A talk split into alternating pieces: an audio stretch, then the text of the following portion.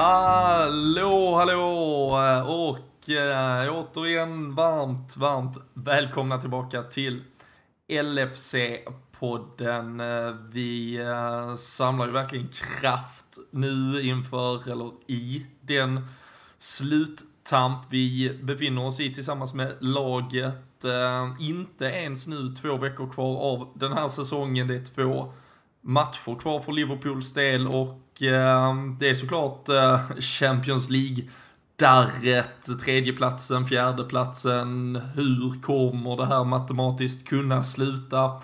Vad krävs? Det finns extremt mycket att prata om kring Liverpool just nu och eh, i vanlig ordning så har vi ju eh, samlat poddstyrkan. Vi gör det såklart också tillsammans med LFC.nu, den svenska officiella supporterklubben till Liverpool. Och eh, ni finner ju eh, supporterklubben dagligen där på LFC.nu med nyheter, eh, allt möjligt, krönikor. Och eh, kan hänga med i olika uppdateringar kring laget eh, när podden försöker ta lite ledigt. Vi eh, är ju annars här varje vecka också. Och eh, Idag så är det jag, eh, Robin Bylund, som eh, välkomnar in i värmen direkt från Borås Arena. Daniel Forsell. ja, direkt från lite live-fotboll här i kylan. Tre grader stod det när jag åkte hem. Så, eh, sommaren har gett upp i Borås och eh, lite snö kom det till och med här idag. Så att, eh, nu får man eh, äntligen komma in i värmen här. Det är riktigt gott. Och eh, innan vi eh, drog igång här och tryckte på inspelningsklappen så eh, skvallrade du lite om att eh, 0-0 mot Southampton eh, i förhållande till att tvinga sig allsvensk fotboll var ändå lite av, eh, det gav kanske lite glädje ändå. Ja, eller jag, jag har väl sagt det många gånger för att jag inte är något jättefan av Allsvenskan. Men eh, nej, det, det, är faktiskt sant. Jag är ganska nöjd över att få se den fotbollen veckovis istället för att, att titta på Allsvenskan. Eh, nu, nu kanske jag får en hatstorm mot mig på Twitter, men det, det är ju inte riktigt våra följare kanske som, som är allsvenska fans där. Eh, och där får jag inkludera mig själv. Mm. Men, men bjuds det på fotboll, då kan man ju tänka sig att gå dit. Trots allt. Ja, det var lite sponsrat event. Det var ju dina, dina Malmöpågar som kom hit och visade boråsarna vart skåpet skulle stå. Så det var ju... Inte ens tre poäng fick, eh, fick Borås med sig i den kampen. För jävligt. Däremot eh, vår eh, tredje här i den heliga treenigheten, eh, Kalle Sundqvist, insprungen från nästan ännu kallare väder och eh, i egen eh, så här upptakt inför eh, debut i division 7. Det är ju också fantastiskt. Ja, eh, det är fantastiskt. Vaknade till, till snöstorm i morse faktiskt. Så det, det var ju mindre charmigt. Men har varit med och sparkat lite boll nu här på, på kvällen. Så nu sitter man här med lite krämpor lite här och var. Men så, så ska det väl vara antar jag. Så vi har snö, vi har tre grader och vi har ishockey-VM på TV. Det känns som att våren verkligen har kommit till Sverige helt enkelt. Men äh, vi, vi får faktiskt ge nu lite här efterhand en liten shoutout till Fredrik Eidefors som äh, vilar idag. Han, äh, han tippar ju vädret äh, inför matchen mot Southampton och där fick han ju faktiskt rätt. det måste vi ge honom, det var ju fantastiskt vårhelg i Liverpool, eh, åtminstone. Men eh, på tippfronten vad gällde resultat, Danne, så, så var det ju såklart en ganska trist match att tippa. Vi körde ju dessutom den nya matchtröjan i potten och eh, vi hade ju fyra personer här med 0-0 och det finns ju inte så mycket att särskilja dem på så vi ska ju faktiskt lotta fram en vinnare och jag har ju gett dig lite ansvar för tombolan, men jag ska ju försöka dra namnen på de personerna som nu är med här. Och vi har ju inte hunnit kika på detta på så sätt innan, så det är alltså Magnus Forsten, Oskar Wilén, August Theorin och Petter Kallin. Fyra personer alltså som gör upp och eh, Borås eh, aka bingobärarland för stunden åtminstone får eh, helt enkelt eh, göra sitt jobb för att eh, finna denna vinnare.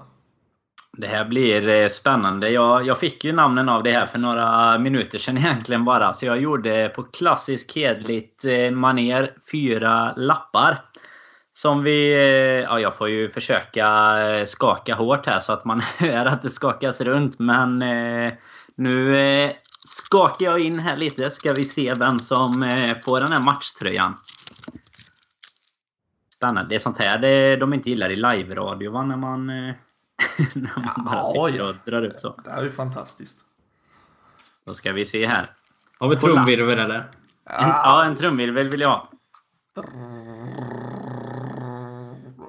Det, det, det, är, det är jo, fantastiskt. På, på vinnar, vinnarlappen av eh, nästa års eh, matchtröja är Petter Kalin. Snyggt! Och eh, där eh, shoutout till hans Twitternamn. Jag har ju dem här framför mig också. Roundkick Ronny. Bara en sån sak. Så, Då eh, vet man vem man ska följa till eh, nästa tävling helt enkelt. Så är det. Så eh, stort grattis till Petter.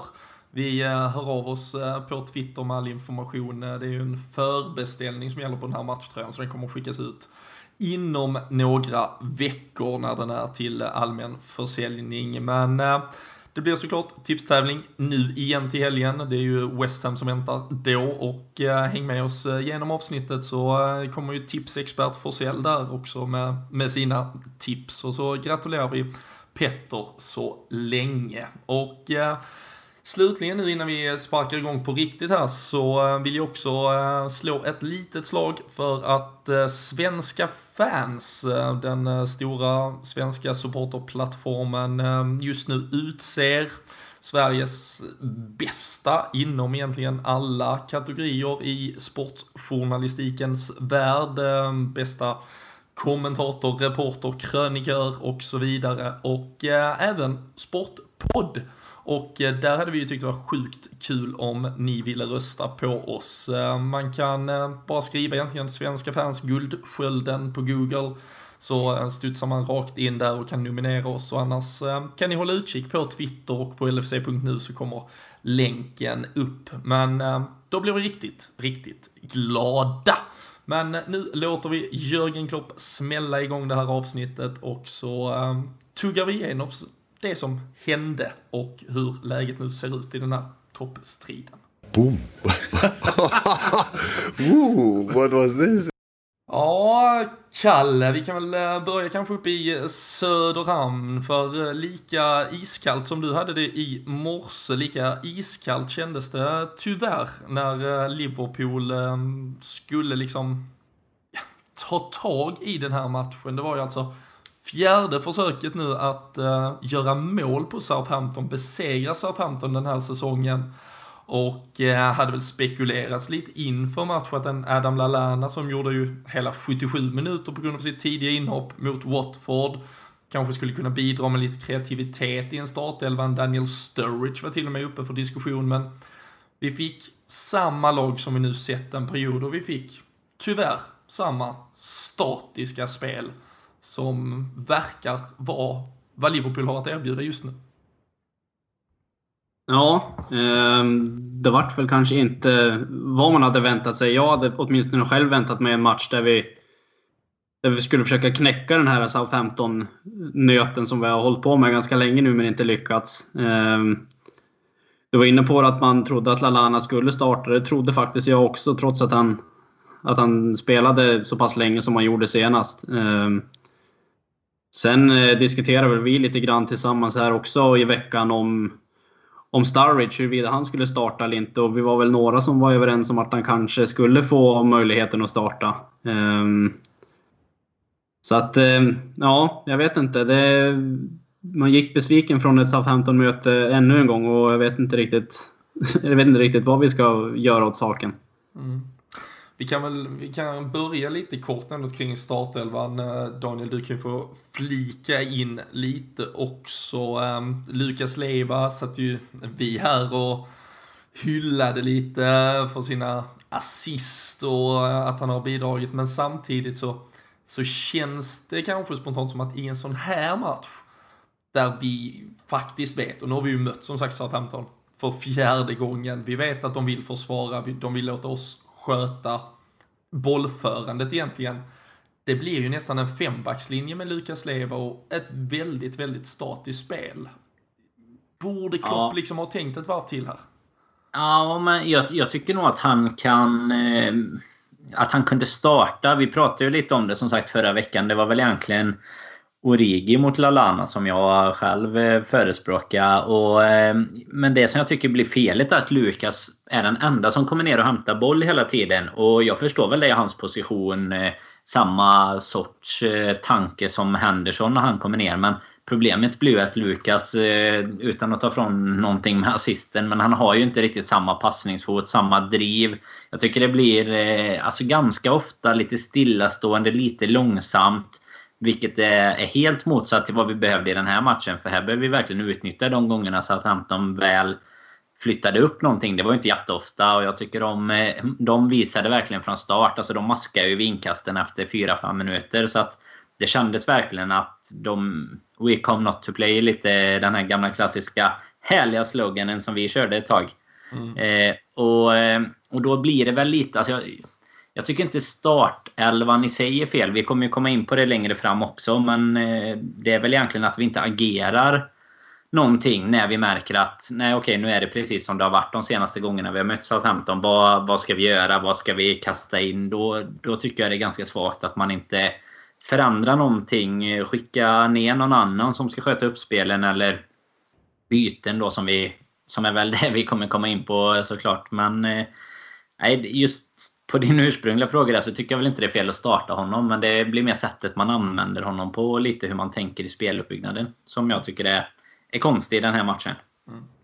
Och det blev ju också då med tanke på utgången till slut med resultatet eh, i, i hand och ett konstaterande att vi nu har spelat alltså sex timmars fotboll mot ett och samma Southampton den här säsongen som då fyra gånger 90 minuter innebär noll gjorda mål och, och ändå så står Jörgen Klopp efter matchen, Kalle, och pratar om att det är svårt att spela mot låga försvar, de var defensivt orienterade, de var liksom placeringssäkra. Är, är, är det okej att ens nämna det som en ursäkt? Vad, vad får vi? Alla lag kommer väl till Anfield med tanken att bara stjäla en poäng. Ingen bara, alltså varför skulle någon komma och förvänta sig mer liksom? Ja, speciellt. Ja, jag håller helt med det du säger. Och speciellt i det här läget av säsongen när vi har sett det så många gånger och Klopp har sett det så många gånger mot de här lagen som kanske inte... Det är ett fåtal lag i ligan som egentligen kommer till Anfield och, och går för tre poäng. Alla går ju ursprungligen för att vinna matchen men de har ju olika förutsättningar till det. Eh, och Southampton kanske är ett av de lagen i det här stadiet av säsongen när de inte har så mycket att spela för. Eh, så att den typen av ursäkter tycker jag inte... Den går inte hem hos mig i alla fall och jag tror inte den gör hos, hos många andra heller. Så att det borde inte vara någon nyhet för honom eh, att lag kommer ställa upp så här och jag förstår ändå att Southampton som ligger där de ligger, de kom ju dit för att mer eller mindre förstöra festen för Liverpool. Man såg ju ganska tydligt att det var det. De var ju där för att göra det. Så att ehm, den ursäkten tycker jag inte går hem. Och Eh, du var ju inne på det mycket senast, du, eh, jag vet att du är imponerad av eh, Adam Lallanas säsong, hans utveckling som han har gjort under Jörgen Klopp och vi pratade ju just förra veckan om att han ändå bidrog med det här, alltså finesserna, det lilla extra, bröt mönster.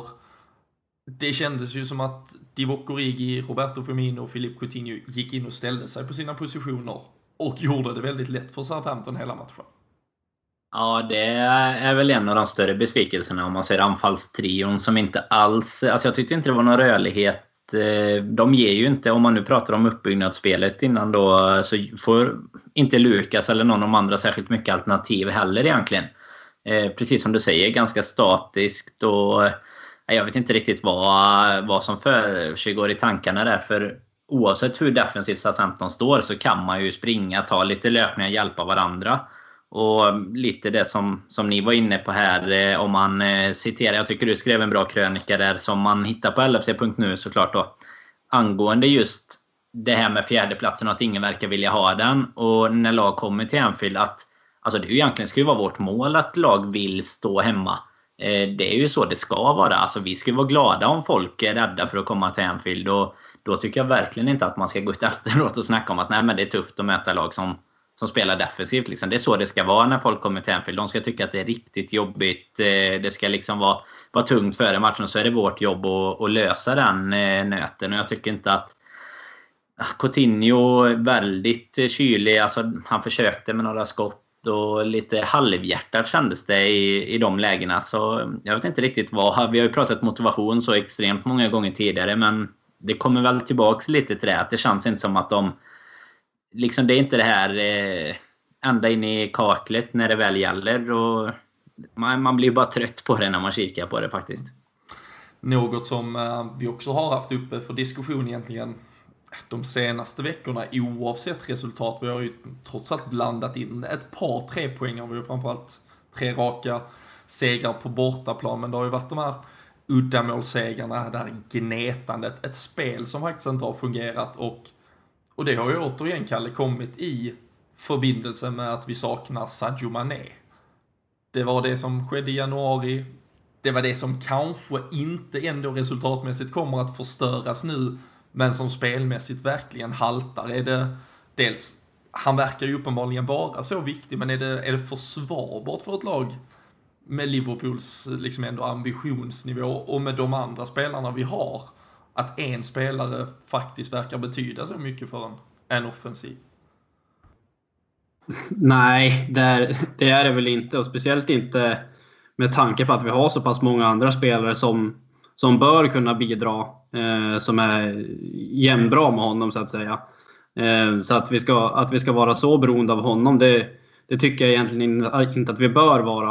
Eh, samtidigt, jag förstår på sätt och vis att, att vi är så pass beroende av honom på ett sätt. Eh, han är ju en spelare som, som hela tiden sätter press på, på motståndarlaget och skapar oro i deras lag. För han har ju en otrolig speed. De vet ju att om de sätter en fot fel då, då är ju Mané förbi liksom. Och många gånger kan han dra på sig både en och två spelare i vissa situationer, vilket skapar ytor för andra spelare också. Så att... Eh, ja, det, både ja och nej på den frågan, men jag tycker inte att vi bör vara så beroende av honom som vi uppenbarligen är. Mm. Och eh, en spelare som har fått mycket kritik, nu har jag ju nämnt egentligen hela den här trion offensivt som, som var svag mot Southampton, men eh, Divock Origi har ju verkligen delat vatten egentligen ända sedan han kom, men, men framförallt här under denna säsongen där, där kanske också fler och fler har börjat ställa frågetecken till hans kvaliteter. Jag har ju själv suttit här och raljerat över att jag kanske inte ser någon, någon stor fotbollsspelare i honom, kanske en inhoppare, ett komplement. Men ehm, men där kan man väl också, Dan, just det här vi pratar om motivation, vi pratar tredje, fjärde plats, vi pratar, men han har ju så extremt mycket att vi, han vet ju såklart att det pratas om en, en Lacazette, en, liksom att Liverpool söker den här strikern. Han borde väl känna åtminstone en individuell drivkraft att visa med, alltså det försvarar ju såklart inte Firmino och Coutinho, men på något sätt har de Ibland handlar det lite om att man har förtjänat något mandat att gå lite upp och ner i sin kurva, men Borde inte han liksom i alla fall vilja slita för tröjan på något sätt, eller sig själv? Jo, så är det ju absolut. Alltså det, det, är klart att han spelar ju på sin position i klubben egentligen och vi har ju många anfallare som eh, har varit eh, otursförföljda med skador. Danny Ings framförallt, men Starwich. Eh, där han nu egentligen har fått chansen då kanske framför Starwich. Nu är det ju lite oklart om han skulle klara 90 minuter kanske, men det, det, känns som just det här med det oförutsägbara som Kalle är inne på kring Mané och som, som jag kanske tycker att Lalana också bidrar med. Även om de två gör det på, på två väldigt olika sätt. Eh, så är väl Origi den som är allra minst förutsägbar kanske hela laget egentligen. Och jag tycker väl att det finns en inneboende potential i honom. Eh, som den här klassiska striken i typ 4-4-2. Ett komplement till eh, någon som eh, ja, kan spela fram honom men kanske mer på det som, som du är inne på där eh, Robin. Att det kanske inte är han som ska vara våran framtid. Och, och vill inte spela ett eh, klassiskt 4-4-2 heller för den delen. Men, men jag tror inte att han... Jag tror att han kan komma in och, och göra det bra. Han kan förändra matchen. Men vi kan liksom inte stå och falla med honom. Och det tycker väl jag kanske att då Starwich är ett bättre alternativ nu om han om han är fit för de här två sista matcherna och även hade varit kanske i den här matchen då. För att Origi kommer inte alls till sin rätt när inte han... Han behöver ju få ytor att springa på och helst ska han komma på vänstersidan och borra in den i bortre. Det är väl... Det är lite babbel över honom. Han försöker ofta samma grej och, och så går det några gånger per säsong ungefär. Mm. Det var ju också, det kändes ju utifrån och när man satt framför TVn väldigt, eh, där kändes det i alla fall väldigt uppenbart att det var ganska snabbt redan i första halv, Vi har pratat mycket om det genom säsongen också, att man ser ibland, man känner liksom på Liverpool att okej, okay, det här kommer nog inte gå så jävla bra. Den känslan infann sig ju ganska snabbt. Det var liksom slarvigt, det var lite slött. Det var inte den där gnistan. Um, ehm, jag eh, får erkänna mig skyldig till eh, en eh, tweet där från LFC-poddens Twitterkonto också i, i halvtid där man fick lov att rösta på om vi skulle byta ut Lukas och Origi mot Lalana och Sturridge. Alternativet var ja eller nej, fortsätt lika uselt som i första. Ehm, 6% tyckte vi skulle fortsätta lika uselt.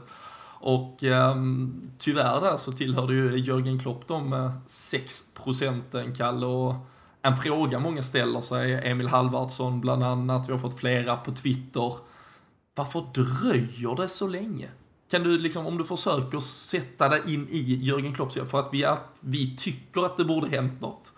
Det är ganska uppenbart. Men hur, vad kan Jörgen Klopp tänka sig skulle vara bättre med att behålla det här laget? Ja, det är, det är en jävligt bra fråga. Som sagt, det är ju oerhört många som ser de uppenbara felen och att vi borde göra byten absolut mycket tidigare. Helst i halvtid som du var inne på. Eh, vad som ligger bakom det vet jag inte egentligen. Jag tror inte han är dum nog att tro att det som är på planen skulle prestera bättre. Men jag tror att det kan finnas en, en liten naivitet i honom, lika som man såg hos Brendan Rodgers ibland. Att har han, har han bestämt sig för någonting så så står han fast vid det istället för att, istället för att göra ett byte i halvtid. Eh, han gjorde det ju mot eh, var det Stoke nu när Firmino och Coutinho kom in i halvtid. Och det, det tycker jag är alltså starkt ändå att man kan att man kan svälja det att fan, jag har ställt ut fel lag men nu måste vi göra en förändring. Eh, för jag tror inte han är, är så dum så att han inte ser, ser de felen. Men ut och den är du inne på, där var det samtidigt Ben Woodburn och Trent Alexander-Arnold som klev åt sidan. Det eh, snackades om små skador, sjukdom på Coutinho där, att de kanske inte var redo för. Men annars egentligen Daniel, det här att bara förändra för att faktiskt förändra utan att det är någon plan bakom det. Liksom att bara putta in den här glöden i elden för att få något att hända. Den, den har man ju faktiskt saknat av Jörgen Klopp. Det var ju inte första gången, utan det har ju varit eh, ett ganska evigt återkommande problem, åtminstone som supporter. Absolut, vi har ju diskuterat det massor av gånger och eh, nej, jag har väl egentligen inget bra svar på det heller. Jag tycker det är ganska solklart när det väl händer här till exempel då när Starwich kommer in. Alltså det, det blir bättre. Han skapar ju mer på sina tre första minuter än vad Origi gjorde under hela matchen. Så att det, det, märks ju att det ger en skillnad och jag förstår inte varför man inte skulle vilja ha den skillnaden kanske 10 minuter tidigare eller till och med i halvlek då. För eh, det, det är ju också svårt för en spelare såklart. Om man tar Grujic till exempel som jag tycker liksom gör ett bra inhopp på fem minuter. Ja, till och med han är ju nära att göra mål för att vi bryter ja, ja, ett han... mönster och överraskar. Ja, ja, och sen tycker jag han har några bra passningar och sånt också. Jag menar, ja, jag vet inte, han har inte spelat så mycket, men vad du hinner göra på fem minuter, det är ju...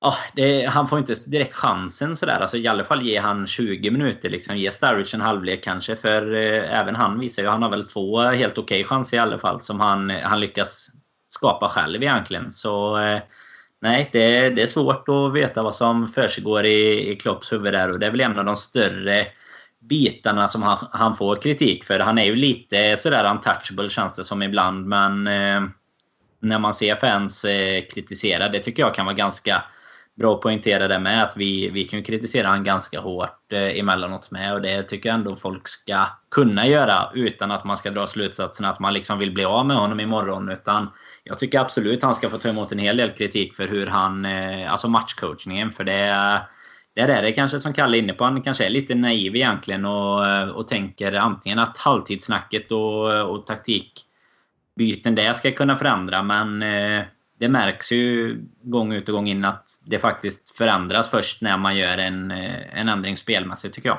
Eller ja, spelarmässigt får man väl säga.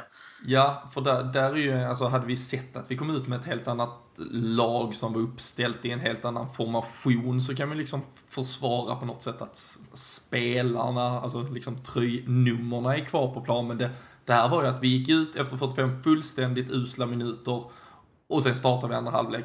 Exakt likadant. Och då har vi alltså två och en halv match kvar där vi troligtvis behöver liksom 6-7 poäng för att säkra en plats i Champions League. Och liksom, du får inte mycket bättre läge än så. Du har liksom 45 minuter hemmamatch mot ett Southampton som inte har någonting att spela för. Och jag vet inte om han var rädd att tappa faktiskt en poäng rent av, för det, det var extremt försiktigt och eh, ja, lite liksom jag vet inte, men han kändes också irriterad. Han verkar ju lätt frustrerad. Han har varit i elden på, på domarteamen egentligen hela säsongen. Vi, det är ett sidospår, men vi ska vara glada att han inte, hade han haft en Mourinho-stämpel hade han varit uppskickad på läktaren gång efter annan. Han beter sig egentligen ganska illa mot en Anthony Taylor som, som är fjärde domare i den här matchen. Men, men det är ju inget av den här glöden, det är ju den här liksom tyska passionen, det eldiga som det pratades så mycket om och så är, som är liksom lite så här eh, alltså förknippat med Jörgen Klopp om man kanske inte har sett honom dag ut och dag in. Men den där passionen ut mot spelare, mot matchen saknas. Alltså, släng en flaska i marken när någon slår bort en pass för fjärde gången. Alltså, visa lite ut mot spel. Ställ de här kraven på spelarna. Inte fan avgörs matchen på att vi får ett domslut med oss eller mot oss på mittplan. Men det är tyvärr det som Jörgen Klopp får till att se ut som att det är det viktigaste som händer den här matchen. Och, och det irriterar ju mig faktiskt rätt mycket tillsammans med att man sen går ut efter matchen och klagar på att det var ett lågt sittande försvar. Han gick så långt så att han klagade på att det var en torr plan. Och, och där någonstans känner jag ju att nej, det är dags att börja titta sig själv i spegeln och inse att det här var jävligt dåligt. Du valde fel spelare, du valde fel matchcoaching, återigen. 360 minuter mot ett Southampton som faktiskt för en gångs skull är ett ganska dåligt Southampton. Det är det sämsta Southampton vi, man har mött på väldigt många år och vi har alltså inte gjort ett enda mål mot dem. Och det tycker jag ju är ganska, och, och där som du säger, han ses ju lite som untouchable och, och resultatmässigt kan säsongen fortfarande bli så pass bra så att man inte ska se någon helhet i att klaga. Men med det sagt så måste man ju få liksom peta i detaljer som måste, som måste förbättras. Tänker jag i alla fall. Men eh, vi eh, går väl över till den som däremot faktiskt gick ut och eh, tog, eh, tog, tog, ansvar efter matchen, Kalle, och det var ju lagkapten eh, James Milner. Han, eh, vi fick ju en straff alldeles faktiskt korrekt men, men kom utifrån inget. Vi, vi behövde ju inte ens skapa en chans för att få den, men lite på Liverpool manér så missar alltså James Milner sin första straff på åtta år. Och Fraser Forster tar sin första straff någonsin i Premier League. Det, ja, kan det bli mer Liverpool än så? Nej, nej det, kan det, det kan det väl inte. Om man tycker ofta, jag vet inte om man är enögd nu, men man tycker ofta att vissa målvakter gör sina, sina bästa matcher i karriären mot Liverpool ibland. Jag har väl sett Al-Habsi någon gång när han spelade i Wigan. Det gick inte att få in bollen på han vissa gånger. Eh, men eh, Ja, jag vet inte om det ska vara symboliskt för, för hur säsongen ser ut. Det tycker jag inte. Men att han, att han går ut efter matchen och, och tar på sig det, det tyckte jag väl ändå föll sig ganska naturligt att han, att han gjorde det. Um, psykningen som han blev utsatt för lite grann där, det, sånt, tycker jag, sånt tycker jag man ser faktiskt alldeles för sällan från målvakterna. Um, Dock otroligt dåligt av domaren att inte varna Fraser Forster. Alltså det, ja, det, han, går, han går ju över gränsen. Och sen tycker jag det är dåligt av James Milner att inte avbryta hela processen och bara gå därifrån i en minut. Om, ja. om det hade kunnat lugna honom. Absolut, det här, det här var ju lite utöver det vanliga. Men några, några ord tycker jag ändå att man, att man bör få säga. Eh, och det är väl ofta så att om de blir psykade sådär och, och rubbas lite grann. Han sa ju efter matchen att han inte att han hade varit med tillräckligt länge för att inte bry sig om sånt där. Men jag tror ändå att det faller sig ganska naturligt att, om man blir utsatt för en sån där psykning, att man väljer att slå bollen där man känner sig mest, mest säker i sitt ursprungshörn så att säga. Och det är väl kanske där nere till Milner. Så att någon tanke fanns det ju från, från Forster att göra sådär. Ehm, och min, Men, ja. min spontana tanke när du lägger, nu, nu trodde jag faktiskt, den liksom känsla i mig att Fraser Forster var lite bättre på straffar. Det känns liksom, han är så stor och på något sätt skräckinjagande. Det var lite chockerande när jag sprang på den här statistiken att det var han första han räddade i, i Premier League. Men annars en så stor målvakt, om faktiskt, för chansar han rätt hörn så har han ju ganska bra räckvidd till att nå en straff. Så det, är ju, det här känns ju som en målvakt där man kanske ska prova och lägga den i mitten. Och det har vi ju sett James Milner göra några gånger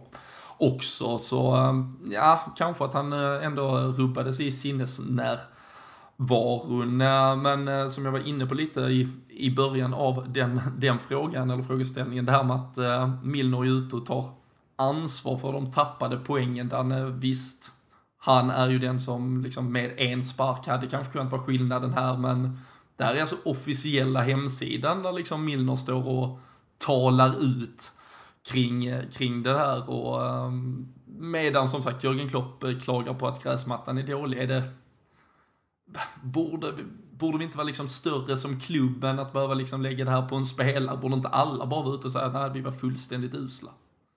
Jo, men det tycker jag. Däremot känns det som en, en eh, typisk James Milnerig sak att göra efter matchen och liksom bara ställa sig och bara ta den för laget. Jag tror att hans känsla, alltså bara baserat, nu är det ju ingen av oss som, som känner honom privat, men det bara känns som en sån spelare som verkligen tar på sig eh, den grejen, både som kapten, rutinerad lirare och, och den biten. Men jag tycker absolut inte man behöver göra mer än så att han säger i intervjun. Man behöver inte, som du är inne på där, komma ut från officiella hemsidan liksom och, och lägga ut detta och i stort sett eh, ja, göra en nyhet att Milner tar på sig förlusten. För det är absolut inte bara hans fel. Alltså det är ju inte det är ju inte han som... Eh, ja, som du säger, han missar ju ett, ett givetvis avgörande läge. Men det, vi ska kunna göra det så mycket bättre än att behöva vinna på en, en straff eh, på... Eh, ja, lite... Jag tycker väl det som du säger, den är korrekt. Men jag tycker det är lite flyt att vi får med oss den ändå. För jag, han skulle lika gärna inte kunna upptäcka den. Och eh, nej, då tycker jag inte... Jag tycker det är bra att Milner kan gå ut och säga så efteråt, men jag tycker inte det behöver vara mer än så, och, eh, det, ja. Dejan Lovren var ju inte direkt ute efter Crystal Palace och tog på sig allt, utan han började prata om nya finaler och skrev ett uh, livstidskontrakt istället. Liksom. Ja, och det är väl nya finaler vi absolut inte vill se något mer. Mignolet var ju ute innan matchen och sa nu är det tre cupfinaler kvar liksom. Och nu, nu visar vi återigen att cupfinaler är inte vår favoritsysselsättning. Så nu nu tar vi någon annan eh, jämförelse innan Nu, nu kallar vi det dubbelmöte i FA-cupens tredje omgång eller något sånt. Så länge det inte är Wolverhampton. Plymouth borta. Precis. Men, eh, men på tal ändå lite kanske då osökt på, på liksom finaler. Det, det, var ju många spelare som var ute och pratade om det här, liksom att matcherna ändå har samma vikt på något Och ändå, Kalle, det här är tredje raka hemmamatcher. Bournemouth, Crystal Palace, Southampton, tre lag som egentligen inte har något att spela för. Ett Crystal Palace nu med facit i hand som har varit fullständigt usla sen den där matchen på Anfield. Två poäng av nio möjliga. Sju missade poäng som hade faktiskt redan nu säkrat en Champions League-biljett. Och, eh, och flera spelare, en Philip Coutinho till exempel, som, som tyvärr visar finalkvalitet. Han var ju fullständigt usel i Europa League-finalen. Det, det är inte många spelare som har höjt sig nu när det gäller som mest direkt. Nej, så är det ju. Framför, ja, att, att vi, på tal om det här med finaler till att börja med. Jag, jag tycker det bara är åt helvete att spelarna ens, alltså att man ens behöver gå ut och säga så. Varje match i Premier League ska ju behandlas som en final. Man måste ju vinna varenda jävla match om man ska vara med och slåss om det som Liverpool vill. Som de vill vara med och slåss om. Så att, eh, men sen att Coutinho och många andra spelare har vikit ner sig i, i sådana här möten. Det har vi ju sett så jäkla många gånger och ibland tycker jag att det, det saknas någon spelare på planen som man kunde se Gerard eller Carragher förr i tiden. Att man verkligen river i och det finns någon ledare som verkligen sätter tonen. Milner leder ju på ett annat sätt genom att genom sitt spel så att säga. Men jag tycker ändå att det saknas någon spelare som ändå kan väcka liv i, i många andra spelare och låta det fortsätta. Att man går den här kräftgången när, när det gäller som mest.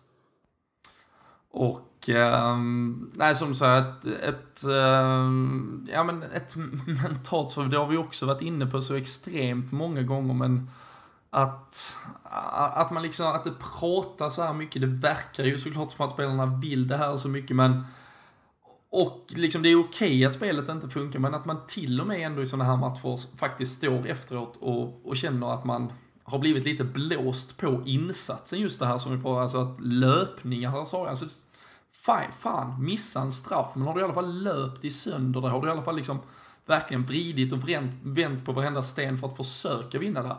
Och där känner man ju faktiskt, återigen ändå, att Liverpool inte har riktigt, alltså man tycker inte direkt synd om laget, Danne, efter en sån här match.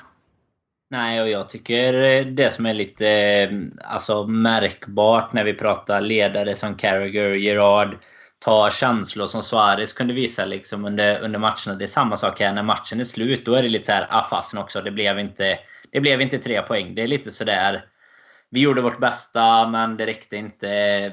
Alltså man, man ser inte på någon att de är förbannade, eller att de är ledsna eller besvikna eller sådär. Det är liksom inte heller den passionen riktigt som man hade önskat. Jag hade velat se att Klopp eh, nästan var rosenrasande efteråt. Liksom, eller att Emre Can stod och skrek fula ord på tyska ungefär. Alltså att man verkligen...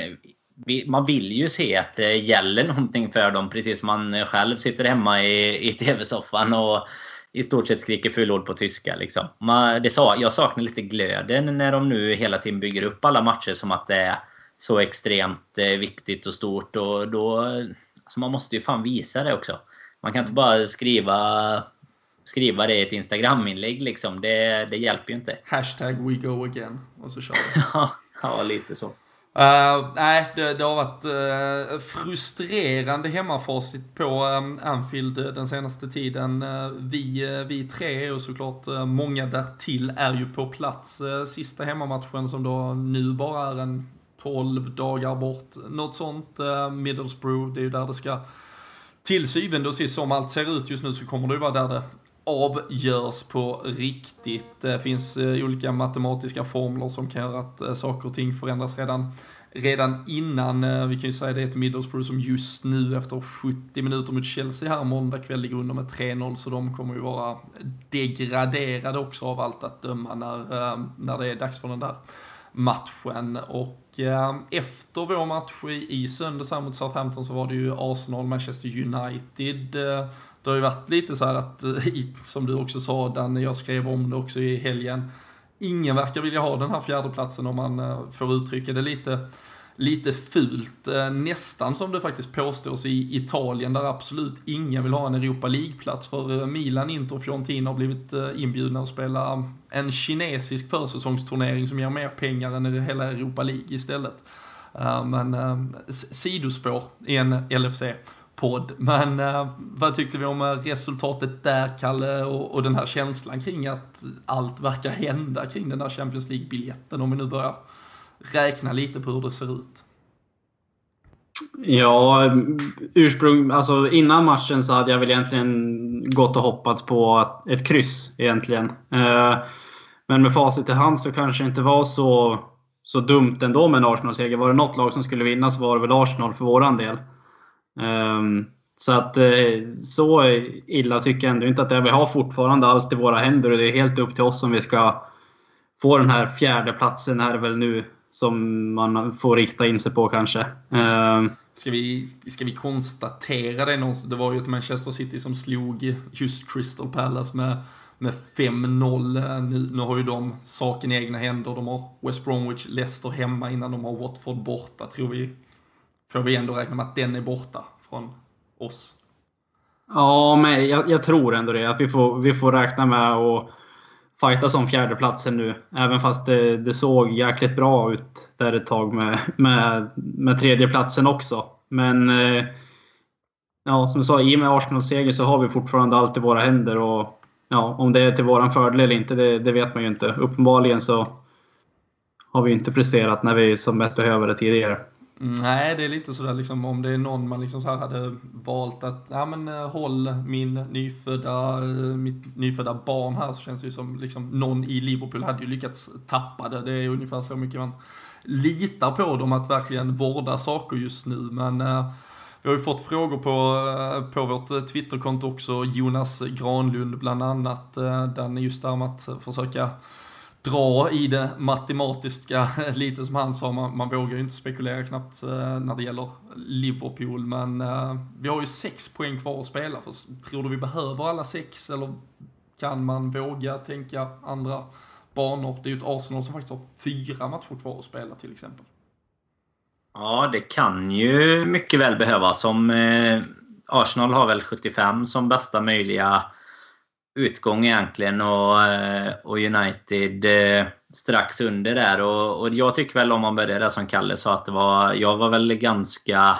Man hade ju såklart gärna sett ett kryss, men ganska skönt ändå att Arsenal vann den matchen och, och lite samma där som sidospår bara tyckte jag väl också att det var också en sån här... Det var ju Viasat-studion också inne på. Det var ju träningsmatchstämning. Det var ju verkligen ingen som ville komma fyra i den matchen.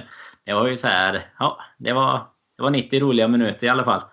Så... Eh, men, men kikar vi på oss. Jag, jag har ju fått en dålig känsla bara för det här sista resultatet. Men jag tror ju att vi kan eh, behöva de här sista segrarna egentligen. Jag tror Arsenal kan gå starkt eh, även om de borde kanske... Vi, vi har ju fördelen att vi kommer ju, de har ju spelat två matcher när vi spelar nästa gång, så då kommer vi veta mer. De börjar ju Southampton borta här nu på onsdag och så är det Stoke borta till helgen.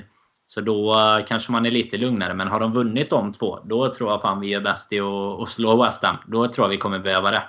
Så, det, det, det, ska ju sägas, det kan ju vara så här att om Arsenal förlorar en av de här två matcherna mot Southampton eller Stoke, eller att de spelar båda oavgjort, det vill säga att de tappar fyra poäng, och Liverpool besegrar West Ham och Tottenham därefter slår Manchester United strax efter vår match på söndag, så, så är vi faktiskt klara för Champions League redan på söndag.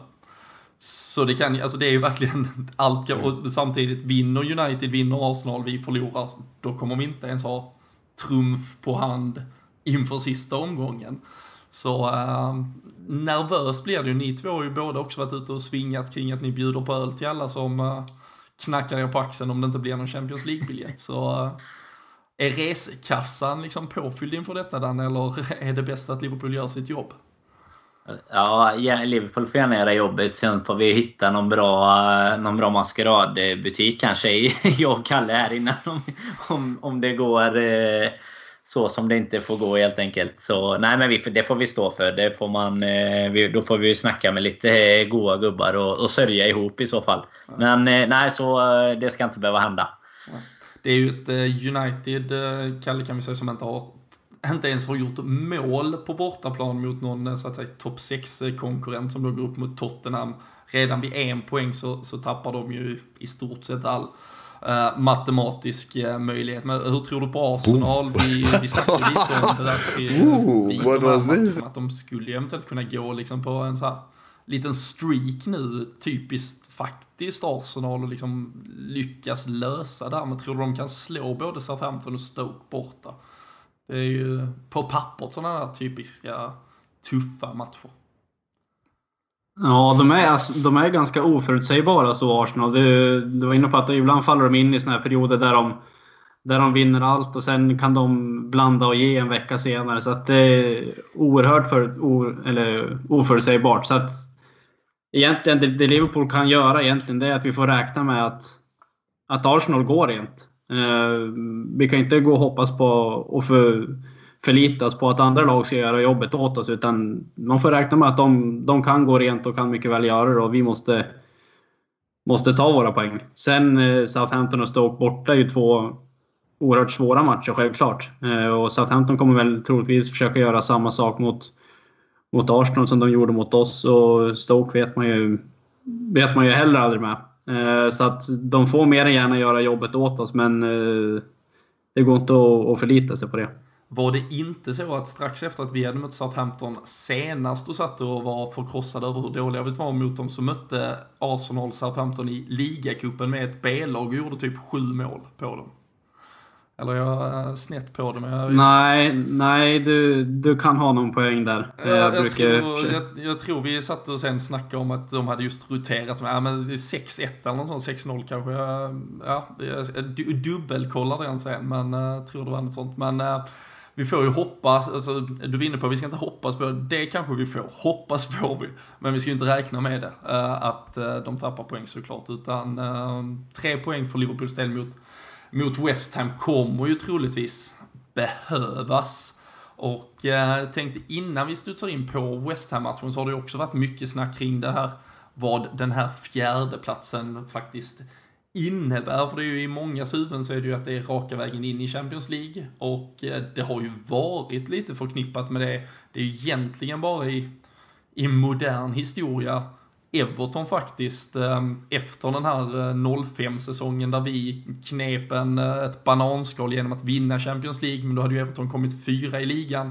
Men då fick de ju kvala mot Villarreal och faktiskt missade Champions League inför 05-06 och Liverpool kan ju rent teoretiskt ställas faktiskt mot lag som Dortmund, Sevilla, Napoli i det här kvalet. Och det här har vi ju snackat om Danne, det, det är ju faktiskt inte raka vägen in i Champions League. Nej, det är det ju inte. Och eh, det var ju du också inne på i, i den här krönikan egentligen, att det är nästan först om det nu blir en fjärde plats så är det ju först egentligen efter kvalet som man, man vet om det var lyckat eller inte. För vi pratade ju om det nu både, både förra veckan och veckan innan tror jag att eh, man glömmer så lätt av det. En fjärdeplats har blivit så förknippat med att ja, topp fyra det, det är det viktiga. Eller om man inte vinner så eh, en titel eller någon, någon cup så är det egentligen topp fyra man vill hamna. Men eh, nej, det är sant. Det, det kan bli jäkligt tufft. Då åker man ut i ett kval så har man ju fan inte mycket för att ha kommit topp fyra säsongen innan.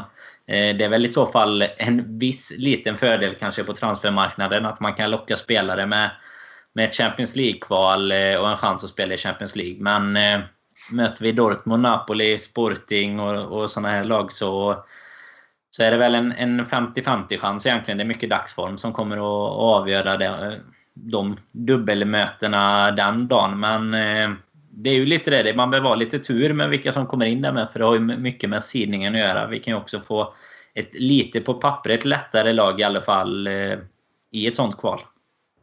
Så är det ju absolut och eh, det, det ska ju ändå sägas, alltså där, det här är ju mardrömsscenario på något sätt med ett Sevilla, ett Napoli, ett eh, Dortmund. Som det ser ut just nu så skulle ju Liverpool gå in sidat i det här kvalet. Eh, och eh, tittar man, det är ju nu två, tre veckor kvar av de flesta ligorna här, då, då är det lag som som visserligen såklart ändå är, är starka, ett Dynamo Kiev, eller ska vi säga ett PAOK Saloniki, Stoja Bukarest, Young Boys, Victoria Pilsen, Brygge, ett Nice med Mario Balotelli. Han hade nog eh, tyckt det var rätt kul att försöka sänka Liverpool. Så ja, det är ju såklart lag där vi kanske går in som favoriter, men det är fortfarande matcher där jobbet ska göras. Eh, så uh, vi får väl i och för sig hoppas då att, som du nämnde Danne, på transfermarknaden kanske fjärdeplatsen ändå i mångas öron är Champions League och de reflekterar inte så mycket över det. Och så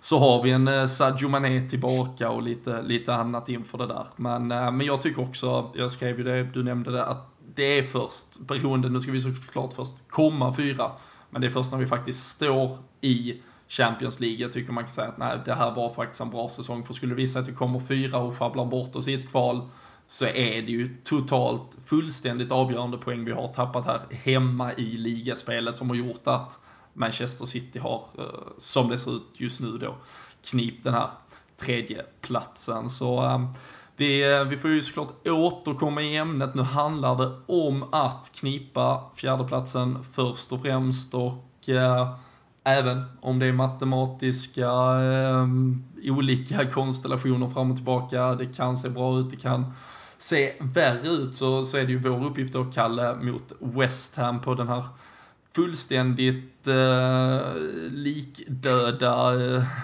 Olympia-arenan nu eh, till helgen. Eh, har ju varit ett boogie-lag annars för Liverpool, framförallt på Upton Park, även på hemmaplan. Vi har faktiskt inte vunnit de fem senaste mot de eh, senaste borta så har vi förlorat eh, 2-1 i FA-cupen, 2-0 i ligan senast i höstas. Hemma 2-2 eh, Loris Karius eh, tabbe där som egentligen på allvar spelade honom helt ur laget. Eh, och det här är ju ett West Ham som numera inte har något att spela för, men, men slog Spurs bland annat för en vecka sedan ungefär. Och eh, de ska man väl kanske vara lite rädda för. Eller i fredags var de slog Spurs. Uh, ja, ja, jag tycker absolut att vi ska åka dit och ha vi ska ha respekt för West Ham. Inte i den meningen att vi ska åka dit och, och vara lite, lite skraj för att möta dem. Utan vi måste åka dit och, och gå för tre poäng. Som du sa, de har ju stort sett ingenting att spela för. De har ju 42 poäng nu, så att de är ju, de är ju klara om man säger så. Det enda de spelar för nu är väl någon placering hit eller dit. Ehm, men ehm, ja, jag vet att Danne har varit inne på det tidigare, att han anar lite ugglor i mossen där mot, mot West Ham. Och det är mycket möjligt att det kan bli så för att West Ham är, de är ett bra lag. Manuel Lanzini bland annat. Eh, jag såg eh, det mesta av den där eh, West Ham Tottenham. Tyckte han var fantastisk. Men de, de har ju mycket, de här, vad ska, vad ska vi säga, lirarna där. Alltså det är ju, som lag i West Ham idag, enligt min mening, inte det här samma Innan var det ju det här James Collins-laget eh, som bara stod och var starka. Som eh, bland annat Luis Suarez ofta hade ganska kul mot. Men eh, nu är det ett ganska yvigt lag där, där allt kan hända känns det som. Så jag tror att det är ett sånt här lag där vi, som Kalle är inne på, jag är ju är lite nervös inför den här matchen för jag tror att de kan har gjort läxan så att säga och, och ställer, eh, ställer sig och satsar lite på kontringar som jag tyckte de gjorde ganska mycket mot Spurs också. Och, och där tror jag vi är rätt sårbara och de har duktiga individuella spelare på det sättet. Så eh, jag vet inte fasen, det är väl lite att det, att det inte har gått så bra för oss. Det är väl därför man får med sig känslan av att det är en extra tuff match. Det är ju det är ofta så det är att man, man kommer ihåg vilka man har haft det tufft mot så, och Southampton här. Och bland annat den här säsongen kommer väl kännas så nu till nästa säsong när vi inte har lyckats göra några mål. Men nej, West Ham borta är, här fasen... Eh, det, det är ingen lätt eh, match eh, i ett sånt här läge egentligen då när det kanske blir rätt mycket press på spelarna med, lite beroende på hur resten av, av resultaten går här i, i veckan med då. Mm. Kan flika in snabbt och konstatera att det var 5-0 Arsenal slog Southampton med, eh, där strax efter att vi hade haft helt omöjligt eh, mot dem. Eh, vi får inte hoppas på en repris här på onsdag då, men äh, finns kanske risk eh, för det och oavsett vad, vi har varit inne på det så många gånger nu, det, det handlar ju om ett Liverpool som, som ändå måste göra sitt jobb här. Eh, för West Hams del, Kalle, vi har sagt att de är ju säkra nu, men Slaven Bilic och West Hams styrelse har också gått ut med att hans roll kommer att värderas, utvärderas eh, efter säsongsslutet. Var ju, var ju hyllad förra säsongen, mycket såklart hjälpt av Dimitri Payet. Men tror du Tror du han och laget, är det, är det en poäng liksom, eller att förstöra guld, guldfesten, Champions League-festen för, för Liverpool, eller bör de ändå ha fokus att gå ut och vinna den här matchen? De har ju varit dåliga också på hemmaplan. Det är inte ett eh, uh, Hammers-följe som har haft det så kul. Skulle det kunna ge en öppning till Liverpool att de vill spela, eller tror du de mest faktiskt vill förstöra? Ja, det, det, är så oerhört svårt att spekulera i det där, men jag, jag tror att de kommer, kommer göra allt för att och, och förstöra lite grann för Liverpool. Det, det faller sig ju naturligt egentligen att lagen vill ju inte bara åka dit och spela av matchen och, och fira tillsammans efteråt för att Liverpool har tagit ett steg närmare fjärdeplatsen. Utan jag, de kan mycket väl åka dit och spela för matchen. Som, som du var inne på, de har ju inte så mycket att spela för. Men jag tror mer på på Dannes spår där att de kanske försöker sätta ner sig lite grann. Um, sen ska vi ha i åtanke att det här är ju inte det West Ham som, som var under Sam Allardyce, precis som du var inne på tidigare. Um, men eh, skulle jag få lägga någon peng så skulle jag nog tro att de, att de, vill, de vill förstöra för Liverpool. Mm. Alla vill förstöra. Det är för jävligt. Jag, jag tycker det man kan lägga in där ändå är lite att de, de ligger väl eh, 12-13 någonting idag och kanske kan ta sig upp till en åttonde plats någonting. Och det skulle man väl ändå, om man tänker Slaven Bilic eh, egen räkning så att säga, skulle de lyckas ta två segrar nu det sista och, och komma upp och kanske knipa en eh, åttonde plats så är det ju fasen så mycket bättre på pappret oavsett poängskörden än vad en kanske 14 plats är om de tappar lite här. Så att jag tror ändå de spelar, även om det är oviktigt så att säga kanske, men så tror jag att det det ändå finns någon viss prestige och, och vikt för eh, honom också och hans framtida situation. Eh, att faktiskt verkligen försöka ta eh, kanske någon tung skalp här i slutet för att visa att han ska vara kvar också. För det är klart att det, det har ju varit mycket diskussion om hans jobb eh, och vara eller icke vara i, i West Ham. Mm. Och det är ju faktiskt som du säger, de, de ligger 12 idag. De har tre poäng upp till, till en åttonde plats. Det känns ju egentligen spontant som att deras säsong har varit fullständig katastrof. Och, och det har de väl till mångt och mycket, framförallt sett till vad, vad man då trodde. Och eh, framför sig har man faktiskt ett West Bromwich som möter Chelsea, ett Leicester som möter City, ett Southampton som möter Arsenal. Så, så de skulle ju faktiskt också teoretiskt, exakt som du är inne på, kunna med en trepoängare spela för att uh, ta, sig, ta sig upp i ändå liksom ganska, ganska fin position. Och uh, om det ska hjälpa eller skälpa och om det ska vara bättre eller sämre för Liverpool. Men, men skulle de vilja spela fotboll har vi bevisligen ändå sett att det har gett oss större möjligheter. Sen eh, om Slaven Bilic bara tänker de tre poängen och ändå anammar en spel i det som, som många har gjort för att bryta ner oss så kommer det såklart inte hjälpa jättemycket. Men vårt hopp kanske får stå till att de, de väljer att öppna upp sig lite. Och eh, sen så måste ju såklart Liverpool, Jürgen Klopp här, Kalle rannsaka sig själv och, och kanske se över den där startelvan. Adam Lallana, Daniel Sturridge har fått fler minuter, de är ju uppenbarligen igång. Och det är väl kanske dags att faktiskt starta dem.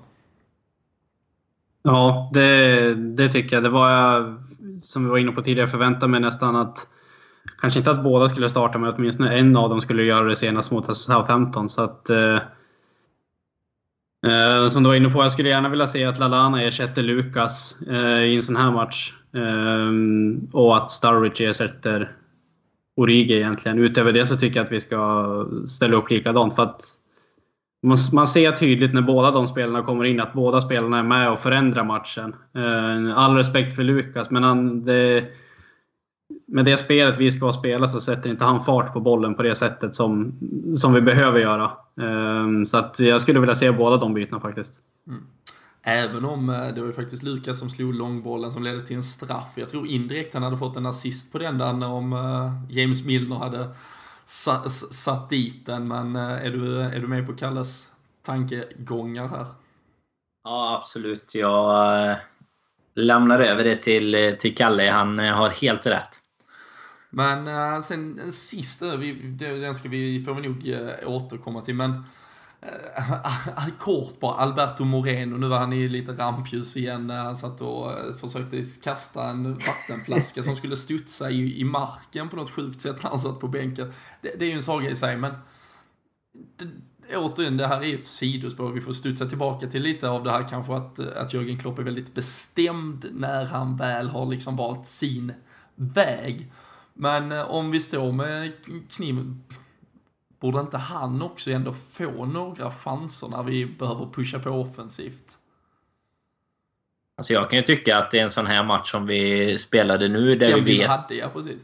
Ja, men precis. Alltså där vi, där vi känner att vi är spelförande och så vidare och, och vet kanske innan matchen att vi kommer vara det. Då tycker jag att han... Alltså offensivt tillför han ju mer. Jag tycker varken Milner eller Klein tillför särskilt mycket offensivt, även om jag tycker Milner tillför mer. Eh, Eidefors har ju har haft en lång raljering i flera avsnitt om hans inlägg och det är ju bara att skriva under på. Det, ja, man förstår ju inte vad, vad det är frågan om ibland, men eh, alltså det, det känns det som att Moreno...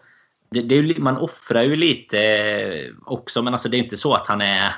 Det är ingen korpenlirare man sätter in heller, så att jag tycker väl att det är lite konstigt eh, att han är så hårt förpassad till, till avbytarbänken faktiskt. För i och med att inte spelet har varit blandande och Milner inte, trots alltså oavsett straffmiss och sånt här, har ju inte han heller varit eh, någon eh, superkugge som man kanske tyckte att han var under, alltså då när det gick som bäst i höstas. Då var ju han också väldigt bra, men det var ju samtidigt kanske hela laget egentligen. Så eh, nej, jag håller med dig. Jag tycker det är konstigt. Ett, ett sidospår, men kanske en tanke framförallt om, eh, om vi nu behöver gå lite mer offensivt i, i sista matchen där mot eh, Middlesbrough. Vi, vi syr väl ihop säcken där. Det verkar vara en ganska stor enighet här kring vilka eventuella ändringar som bör göras i laget annars vad gäller startelvemässigt mässigt mot West Ham.